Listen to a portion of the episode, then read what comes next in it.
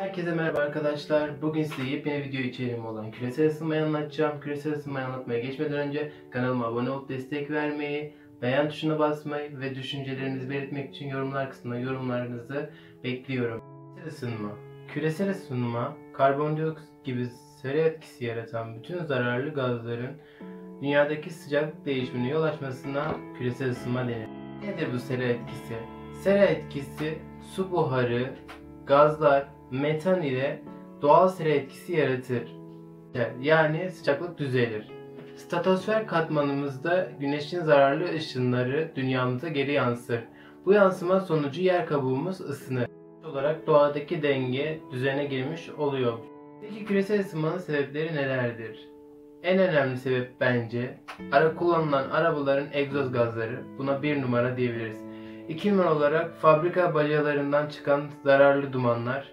3 numara bilinçsiz kullanılan fosil yakıtlar en önemlileri arasındadır ve örnek verebiliriz bunlara. Biz örneklerdeki gibi egzoz gazları, fosil yakıtlar ve fabrika bacalarından çıkan zararlı dumanlar küresel ısınmayı meydana getirir.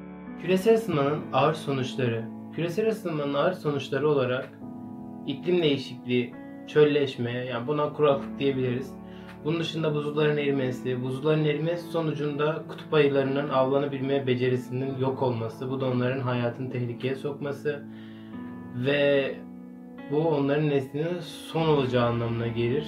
Kış ayları kısalır, yaz ayları ise tamamen e, uzar.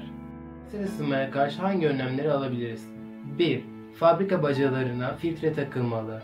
2. Araba egzozlarına filtre takılmalı. 3. Ağaçları kesmemeliyiz. 4. Çevreye çöp atmamalıyız. 5. Düşük enerji ampulleri tercih etmeliyiz. 6. Toplu taşıma araçlarını tercih etmeliyiz. 7. Geri dönüşümü olmayan ürünler asla alınmamalı. Ve son önemli dipnot.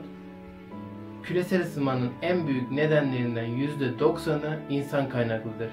Ve bu yüzden çevremize sahip çıkalım olarak eğer iyi bir gelecek istiyorsak iyi bir geçmiş bırakalım. Beni izlediğiniz için teşekkür ederim.